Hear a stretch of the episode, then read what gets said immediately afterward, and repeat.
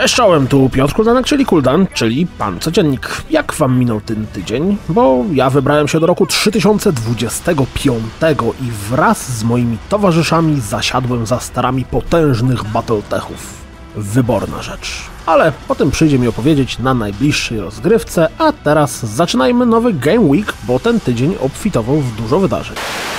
Smutne wieści dla fanów Clifforda Bleszyńskiego.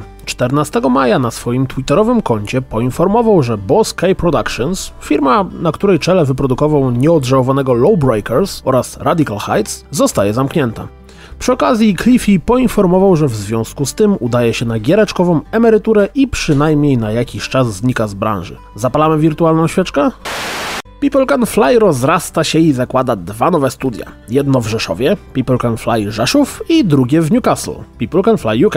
Wszystkie trzy studia mają pracować nad nową, niezapowiedzianą jeszcze strzelaniną AAA dla Square Enix. Trzymam kciuki za konkretny efekt. Czas na szybką piłkę, czyli garść krótkich newsów bez ich zbyt dużego rozwijania. Dzisiaj pod hasłem obsuwy i zapowiedzi. Do No Man's Sky zmierza prawdziwy multiplayer. For real. Zapowiedziano Stalker 2. Ze strony zapowiadającej grę można wywnioskować, że ma się ona pojawić w 2021 roku. Crash Bandicoot Insane Trilogy zostanie przyspieszony i zamiast 10 lipca pojawi się 29 czerwca. Oczywiście na wszystkich platformach poza PlayStation 4, na której już jest. Stardew Valley trafi na PS Vita 22 maja. Phoenix Point zaliczy obsuwę i pojawi się w czerwcu przyszłego roku. Shenmue 3 zaliczy kolejną obsuwę i pojawi się najwcześniej w 2019 roku. Metro Exodus również przeskoczyło na 2019, a dokładniej na pierwszy kwartał tegoż roku. Skull and Bones zostanie przesunięte na rok 2019 albo i 2020.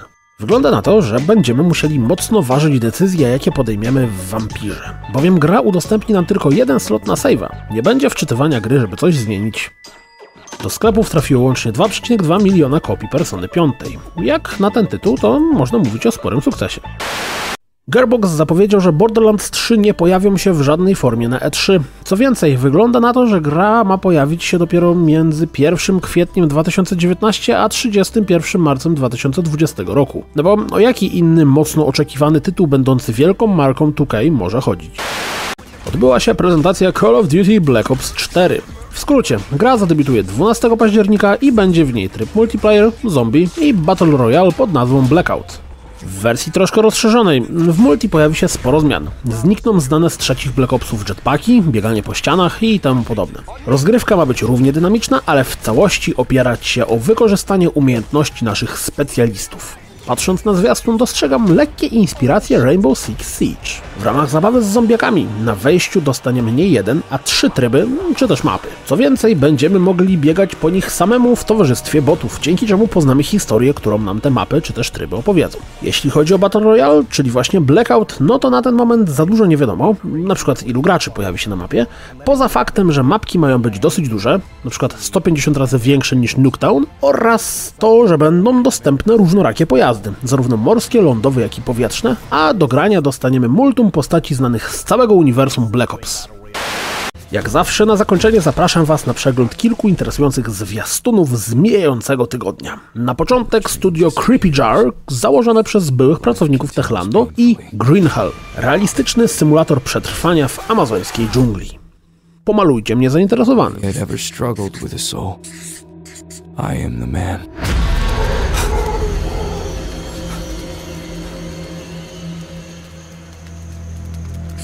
Gone so far that I don't know how I'll ever get back.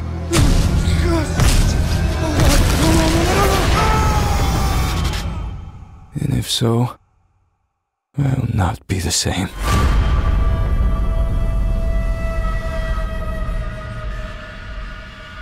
Końcówka poprzedniego i początek tego tygodnia minęły nam pod znakiem teasowania Rage 2. W końcu okazało się, że gra jak najbardziej powstaje. Co więcej, dostaniemy Open Worlda, przy którym pracuje Avalanche Studios, znane chociażby z Just Cause 3 czy Mad Maxa. Wygląda również na to, że gra ewidentnie będzie miała luźniejszy klimat niż pierwsza część. Mi się podoba, zwłaszcza, że jak wiemy z wcześniejszych informacji, do Borderlandsów trzeba będzie trochę poczekać.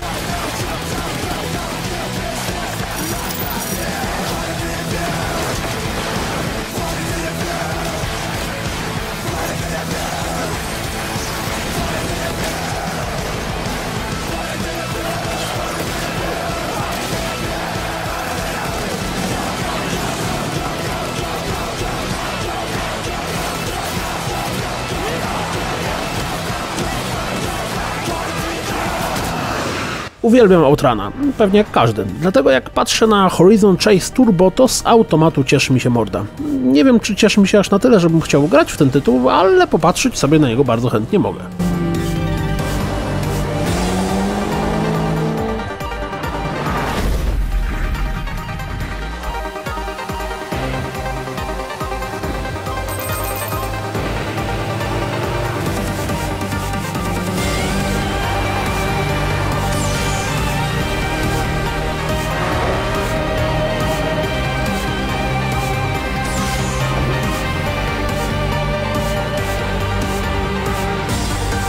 Jak powszechnie wiadomo, regularnie staram się Wam wyszukiwać interesujące tytuły, o których wcześniej mogliście nie słyszeć. Takim właśnie tytułem jest Insomnia The Ark.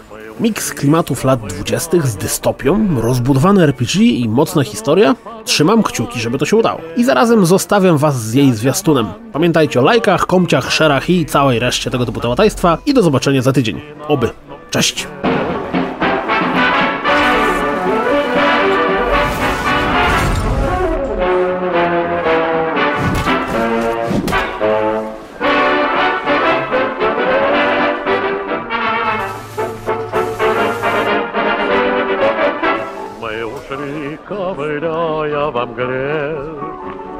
Родной подлетаем земле. Вся команда цела и машина Пришла на честном слове и на